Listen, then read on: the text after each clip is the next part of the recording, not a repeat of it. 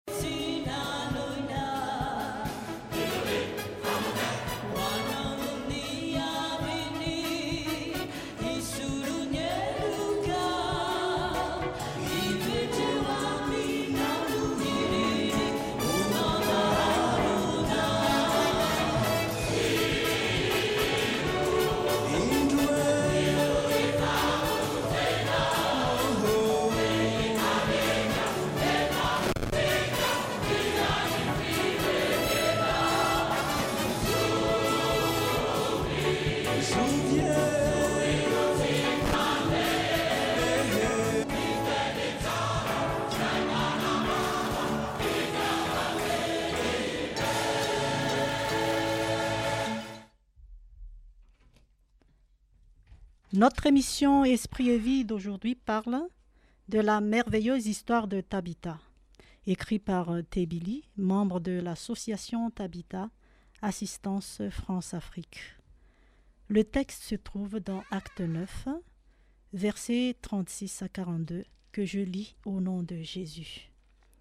il y avait à jafa une femme croyante appelée tabita ce nom se traduit en grec par dcas qui signifie gazel elle était continuellement occupée à faire du bien et à venir en aide aux pauvres en ce temps-là elle tomba malade et mourut après avoir lavé son corps on le déposa dans une chambre en haut de la maison les disciples de jafa avaient appris que pierre se trouvait alida qui est proche de jafa ils lui envoyèrent deux hommes avec ce message t'en prions viens chez nous sans tarder pierre partit tout de suite avec eux lorsqu'il fut arrivé on le conduisit dans la chambre située en haut de la maison toutes les veuves s'approchèrent de lui en pleurant elles lui montrèrent les chemises et les manteaux que tabita avait faits quand elle vivait encore pierre fit sortir tout le monde se mit à genoux et pria se tourna vers le corps et dit tabita lève-toi elle ouvrit les yeux et quand elle vit pierre elle s'assit pierre lui prit la main et l'aida à se lever il appela ensuite les croyants et les veuves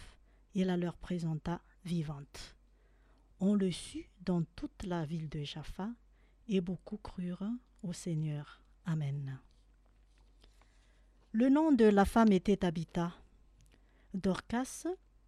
et la traduction grecque de tabita tabita en araméen signifie gazel cette femme abondait en bonnes oeuvres et en aumônes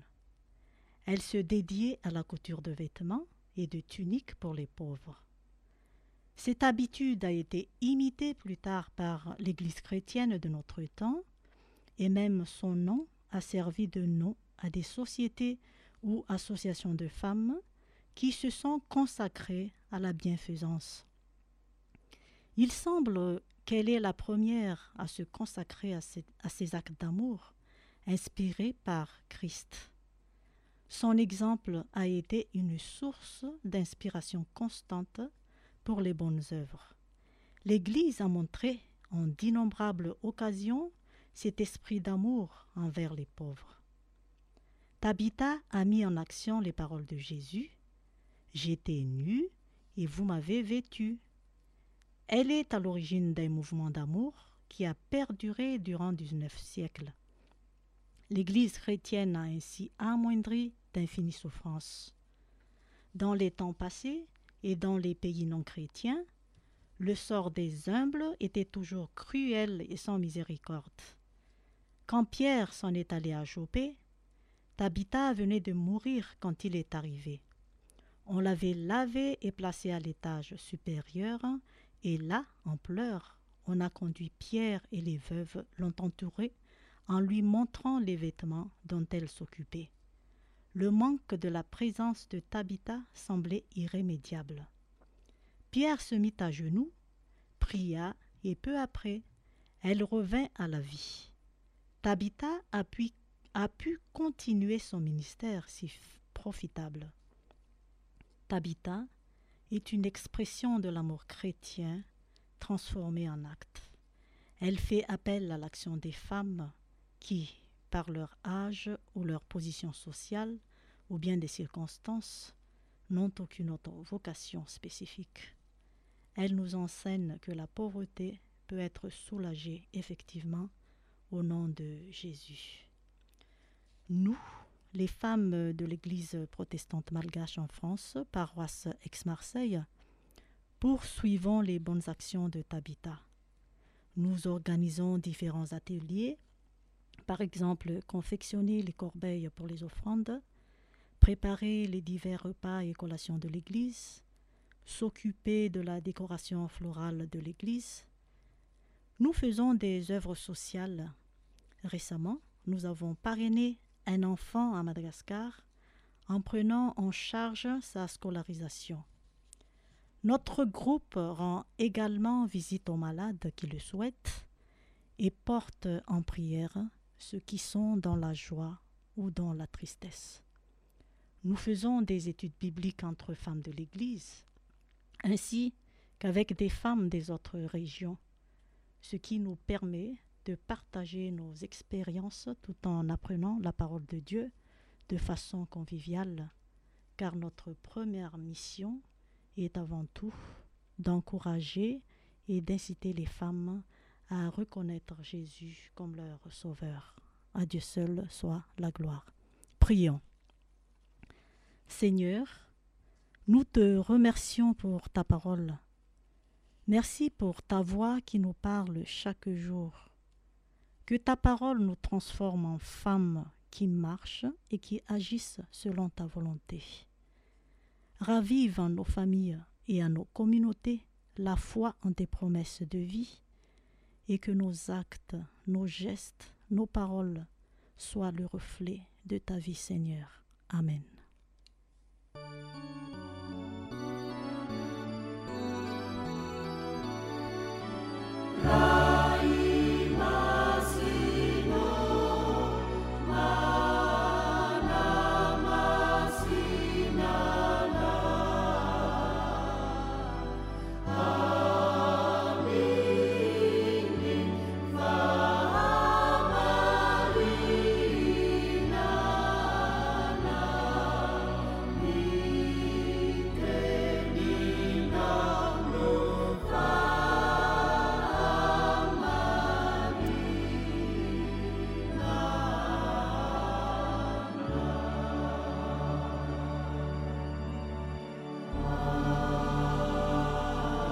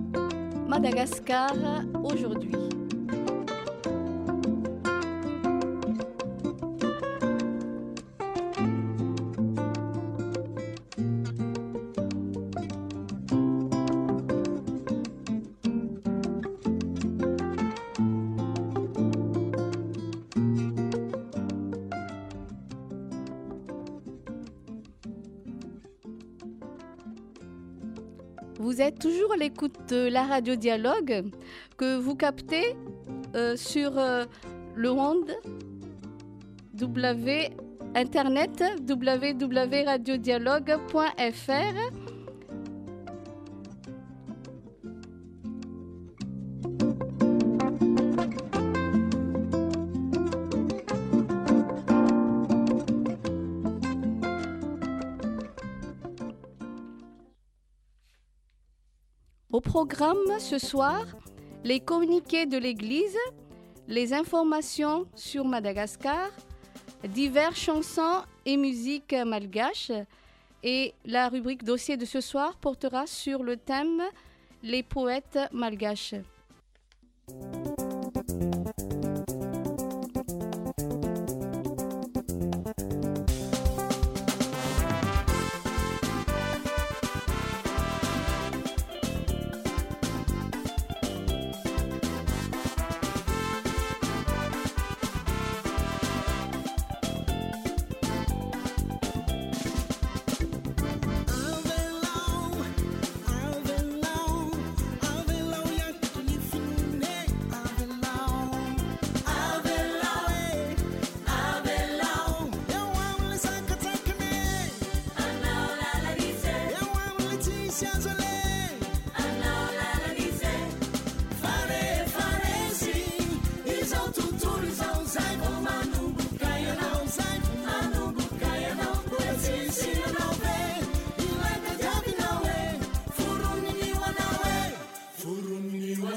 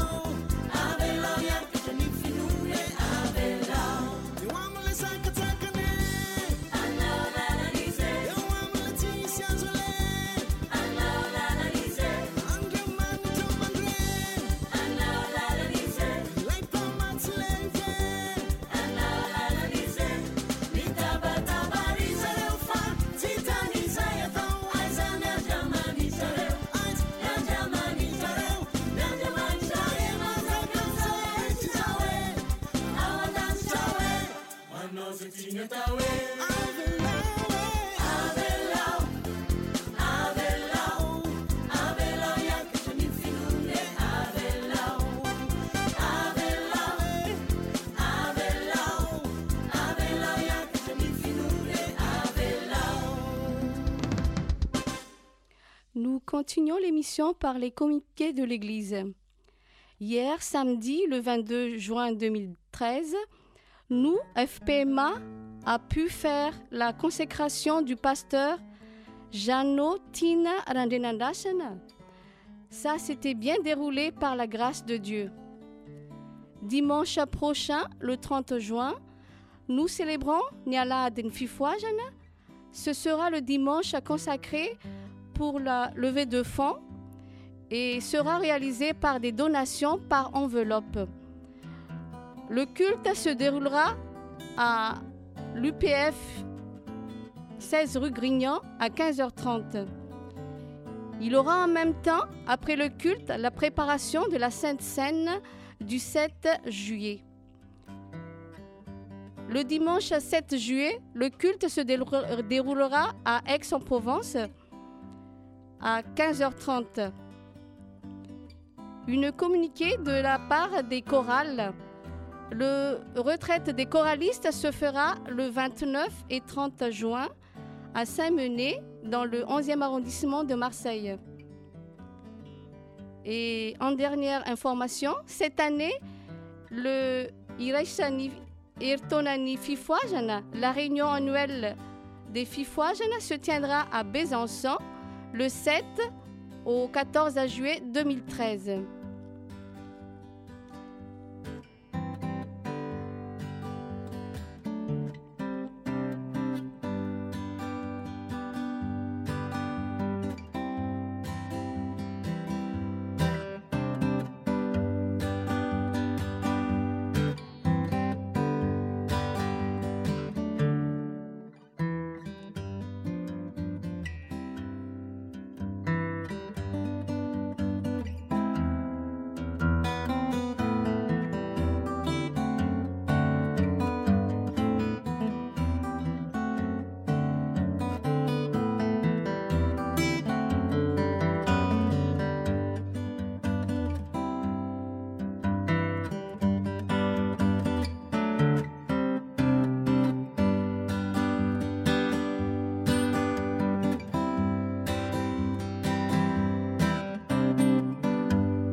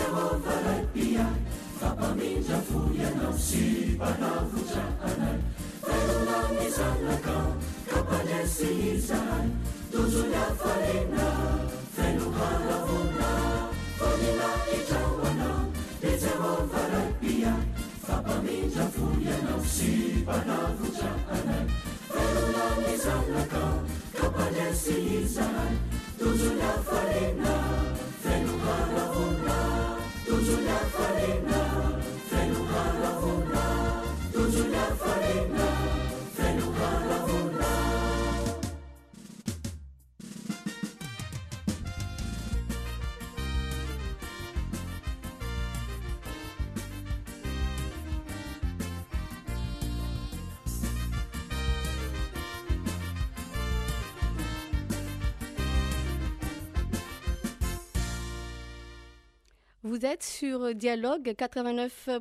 fm et. ax et tandebert la radio des chrétiens de marseille et sa région dans l'émission madagascar aujourd'hui il esthe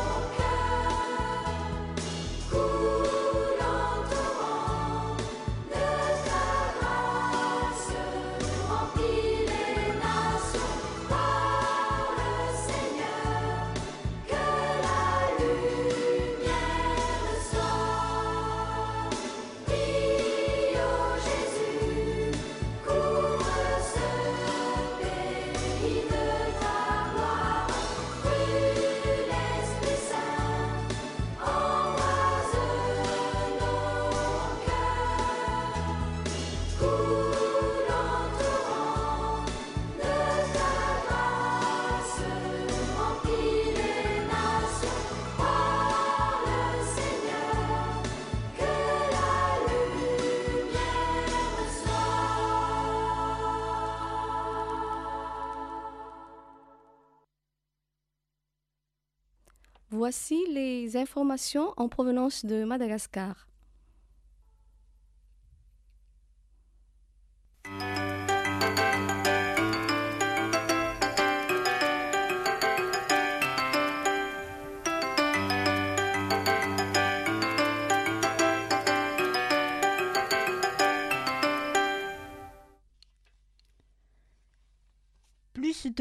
lycées publics sont sortis de la clandestinité après un décret pris en conseil du gouvernement ces lycées ne sont pas les fruits de l'effort de l'état ce sont des initiatives communautaires c'est-à-dire créées par les parents d'élèves et appuyées par les pouvoirs décentralisés comme les meires les bâtiments des lycées ne sont pas ainsi construits en dur neuf et à étage sont en bois ou en roseau là où les parents d'élèves obtiennent un terrain ces lycées sont construits par les parents d'élèves dans beaucoup de cas ces derniers ont transformé une place de marché ou un local abandonné afin d'éviter la mobilité de leurs enfants qui désirent poursuivre leurs étudessecrétai général du ministère de non seulement les salles de classe se trouvent dans un état précaire mais les enseignants le sont aussi en effet ce sont des enseignants communautaires peu formés ou encore les plus diplômés du village qui se sont portés volontaires pour partager à leurs compatriote le peu qu'ils ont pu acquérir pendant leur époque du lycée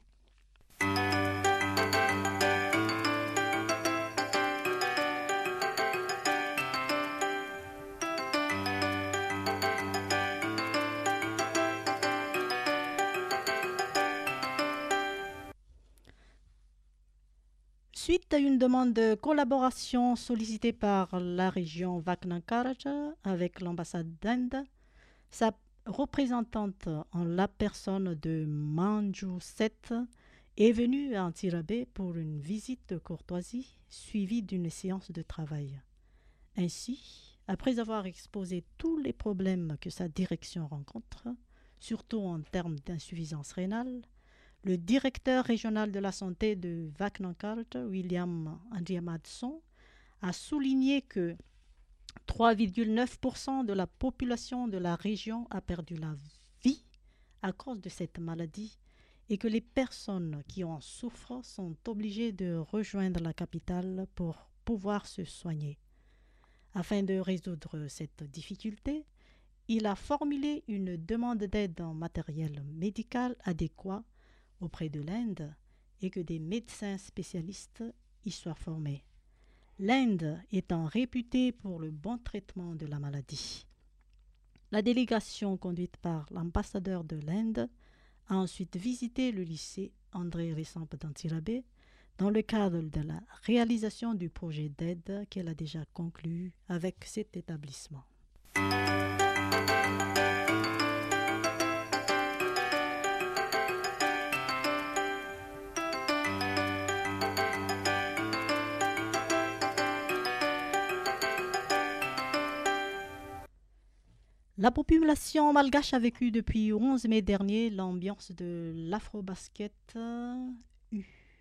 le masculin abrité dans la capitale du juin au juillet le coup d'envoi de l'afrobasqette tourv sigas et de la campagne de sensibilisation sur cette prestigieuse compétition continentale a donc commencé cetmanifestation consiste à organiser un tournoi de basket-ball dans les quartiers avec la participation de s équipes d'analamangue dans la catégorie uv un avant-goût de spt jour africaines l'objectif est de faire connaître au plus grand nombre surtout au niveau des quartiers l'afrobaskett uv masculin c'est aussi une opportunité pour les jeunes joueurs de de s'exprimer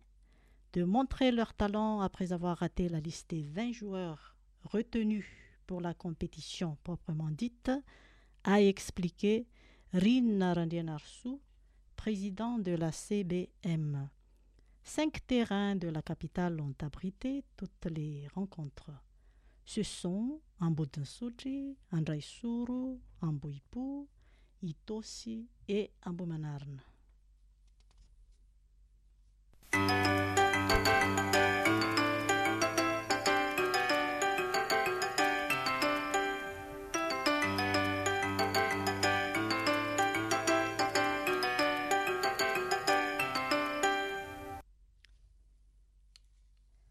le cadre de cette manifestation sportive euh, d'anvergue nationale un jeune expatrie malgâche vivant à marseille a été sollicité par le président de la c b m afin d'y participer il s'agit de antsaravelzon il a répondu présent lors des différentes rencontres lors d'une interview qu'il a accordé au quotidien national l'express de madagascar a exprimé son fort désir de jouer dans son pays d'origine depuis toujours à quinze ans ansaravelzon mk est l'unique expatrie de l'équipe nationale de basket-ball uve évoluant au sein de smuk marseille au poste de deuxième arrière il parle de son attachement à son pays d'origine selon les propos de antarvilzohn recueillis dans le quotidien express de madagascar il a été sollicité et heureux de pouvoir représenter le pays puis pour lui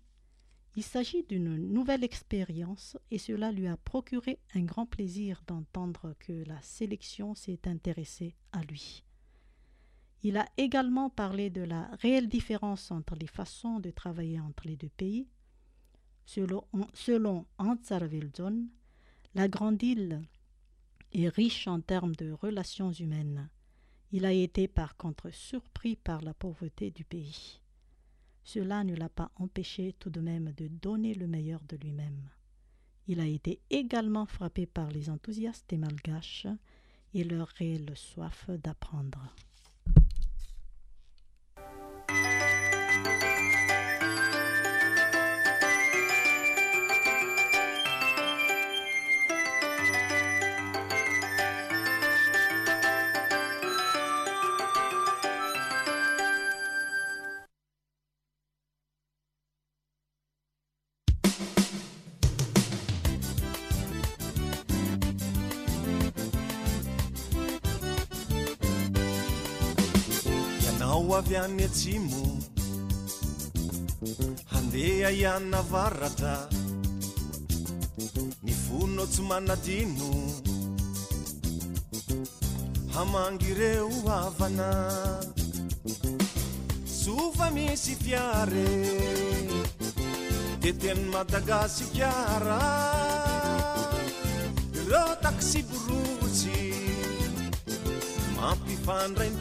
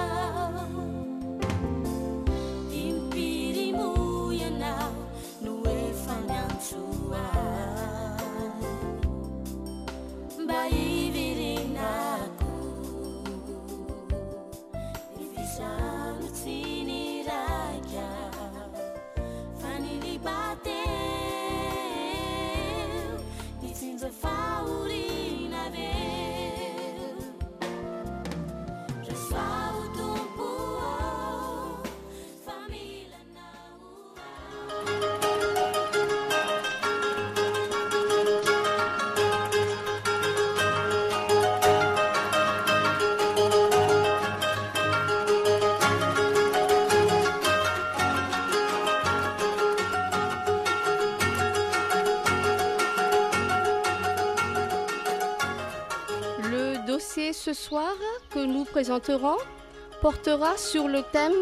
les poètes malgâches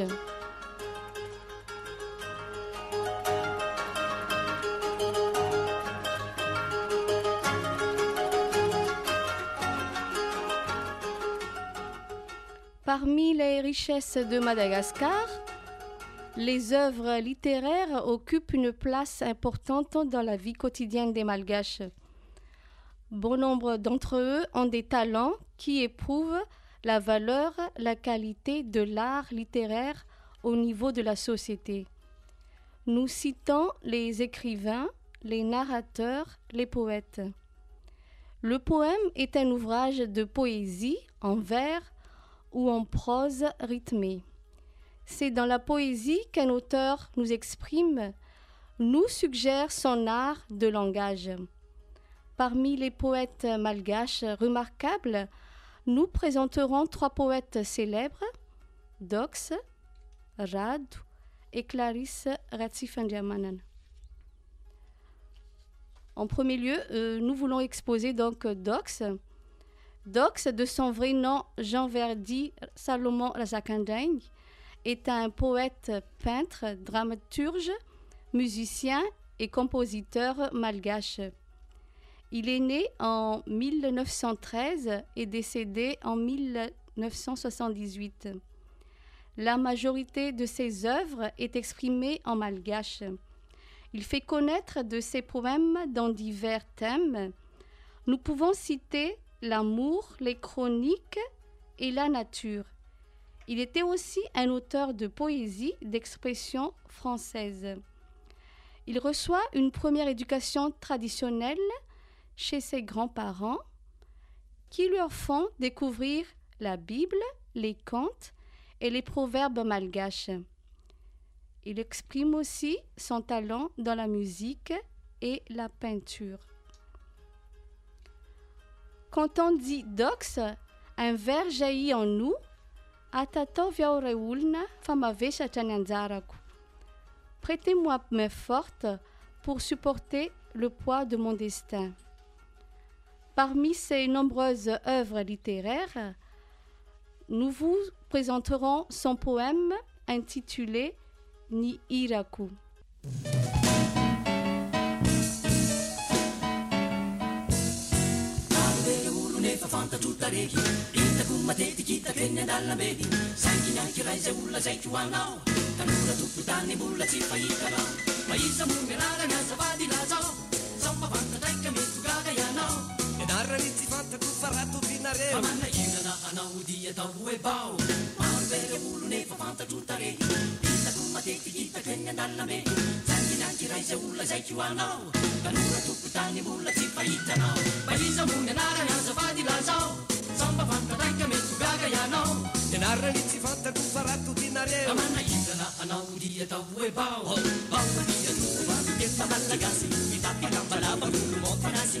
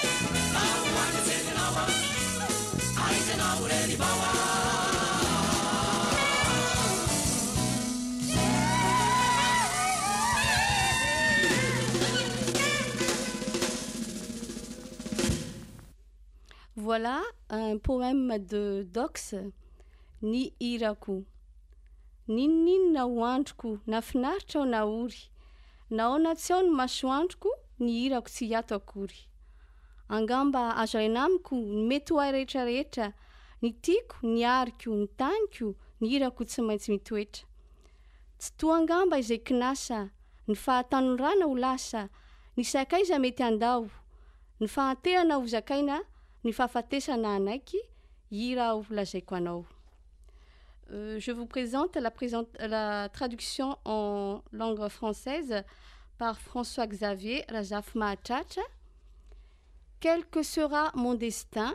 que je sois heureux ou malheureux que mon soleil paraîtra ou non mon champ n'aura pas de faim pourra-t-on m'enlever tout ce que je possède ce que j'aime mais bien mon chant toujours restera mes désirs ne se réaliseront pas ma jeunesse s'envolera mes amis me quittera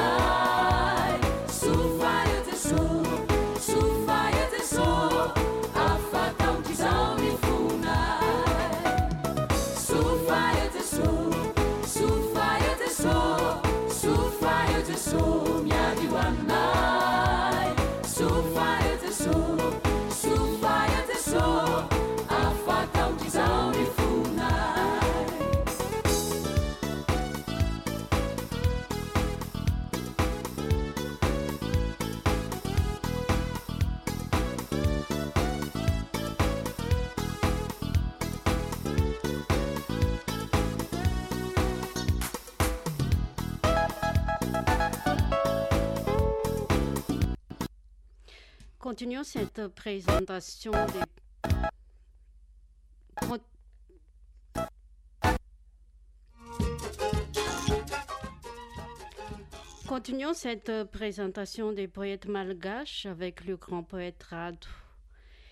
qui est rado il est né george ndemanatin le 1er octobre92 et mort le5 septembre200 fils d'un pasteur protestant a été élevé dans le respect de dieu du pays dans la tradition protestante qui avait court durant la colonalisation a la fois poète peintres et musicien rade d'un artiste complet il a écrit des poèmes et une vingtaine de cantiques dans le firanahanampni voici de titres que nous connaissons bien il a écrit aussi d'autres titres dans son œuvre qui s'intitule vavac le grand pète rad prix oublie-moi seigneur donnez aux pauvres ce que je demande quotidiennement si cela pouvait atténuer la misère quil endure le poète demande à dieu de passer d'abord ce qui sont dans le besoin avant sa petite personne et pourquoi cette requête afin qu'ils vivent de omprnompren afin qu'ils vivent et comprennent les souffrances endurées par les pauvres durant leur vie la faim le froid la peine les prisons et toutes formes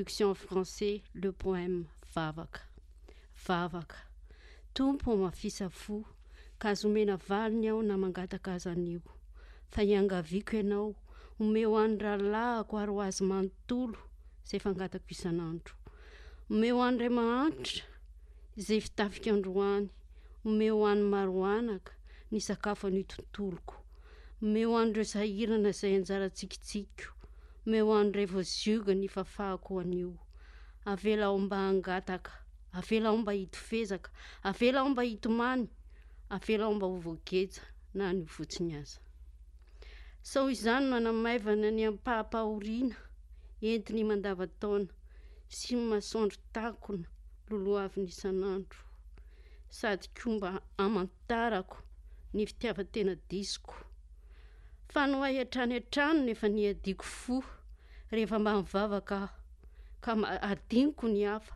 koitalaoko anao adinoi ao anio prière seigneur indurcie ton ceur ne répons pas à mon requête même si je prie aujourd'hui je te supplie donne mon frère et totalement à lui ce que jai l'habitude de demander chaque jour à ces pauvres ce dont je me vais ce jour donne à ces familles nombreuses mes repas de la journée donne à ce qui sont en peine ma part de sourire donne à ce qui sont enchaînés ma liberté d'aujourd'hui laisse-moi endurer et le froid et la faim et les pleurs et les fers ne serait-ce qu'aujourd'hui sicela pouvait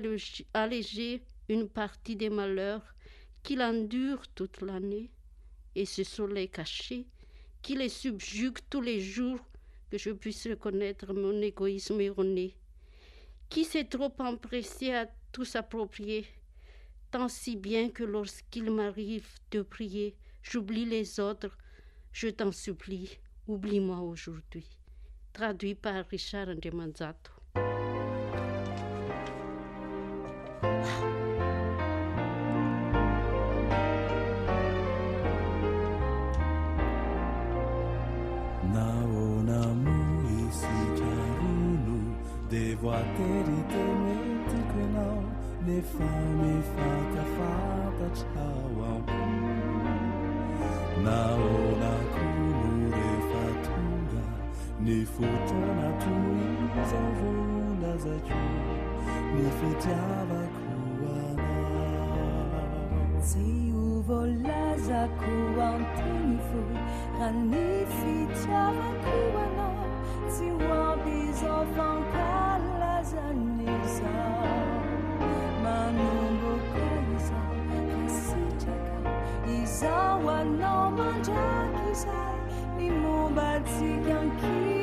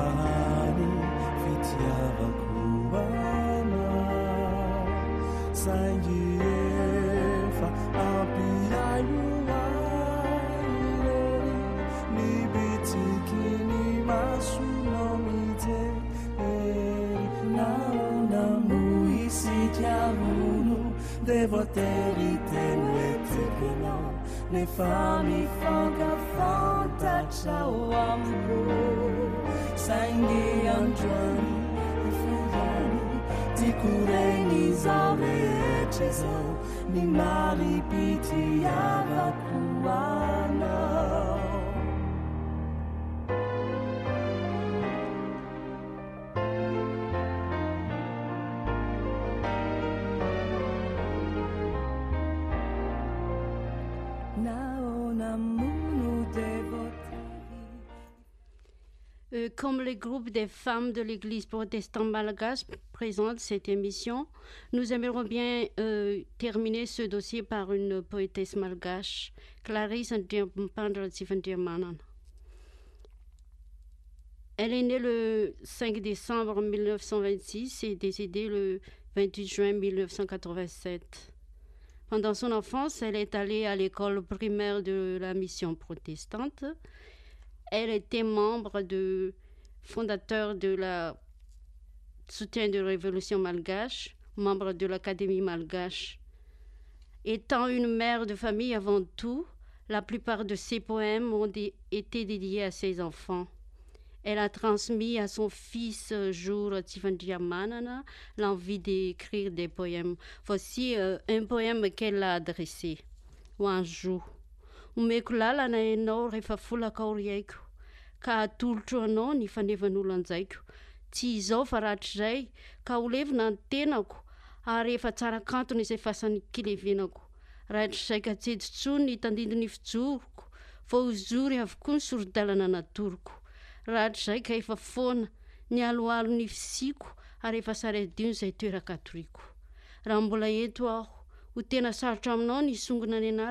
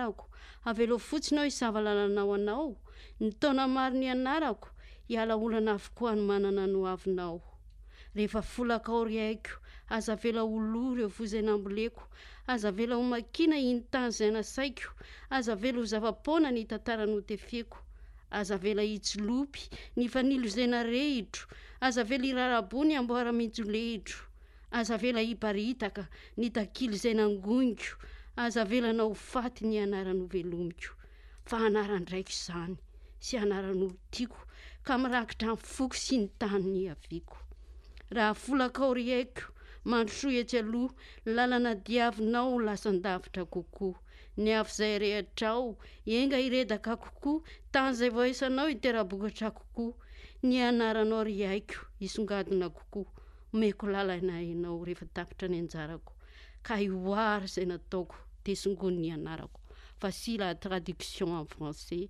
enfant je céderai la voix quand fraîchira mon corps je tendrai le fanon fanon que j'ai ici alors plus tard dès lors que ma chair aura consumée et que ma tombe elle sera bien verrouillée plus tard quand s'évanouera l'ombre de ma présence suis la direction que j'ai montrée d'avance quand s'estomperont les traces de mon parcours que mon lieu de repos bien oubliat un jour si je suis encore là te sera ardu de relayer mon nom laisse-moi simplement effrayer le chemin mes longues années vécus seront de préparer un meilleur lendemain quand je serai parti ne laisse pas misir les grains que j'ai semés ne laisse pas dépérir mes terres laborées ne laisse pas s'oublier l'histoire que j'ai tissée ne laisse pas s'éteindre ma lanterne allumée ne laisse point éteindre mes valeurs euh, pas mes œuvres se disperser au vent ne laisse surtout pas disparaître mon nom c'est celui de mon père et de l'homme de ma vie il recèle donc mon cœur et l'âme de ma patrie quand je serai parti devant tu passeras plus longue sera ta route et plus loin tu iras ton flambeau brillera en étant plus nourri la terre par tes mains produia plus de fruit et ton nom mon enfant ira au firmament je cédérai la voix quand j'aurai fait mon temps surpasse mes actions et devance mon nom traduit par lîle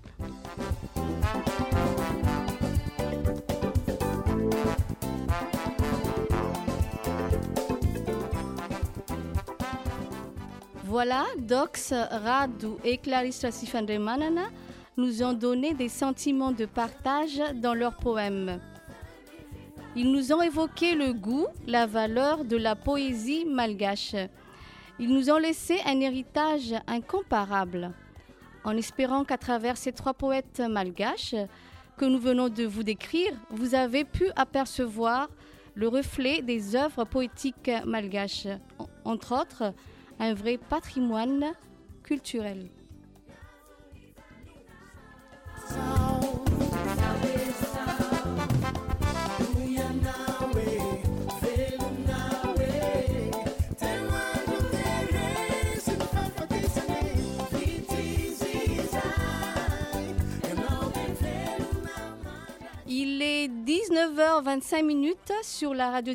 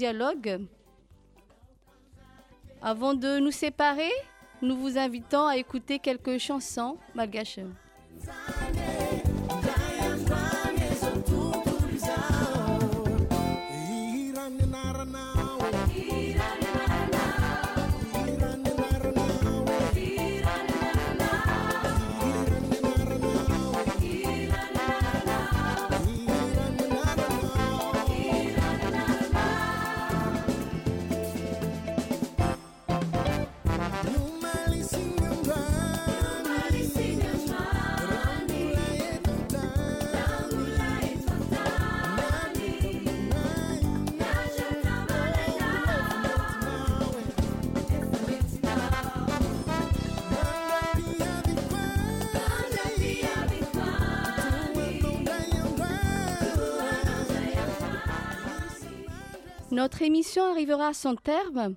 merci de nous avoir suivis au micro minu voilen et josiane à la technique moïse et josé nous vous dirons aurvoir velumatupku sous la grâce de notre seigneur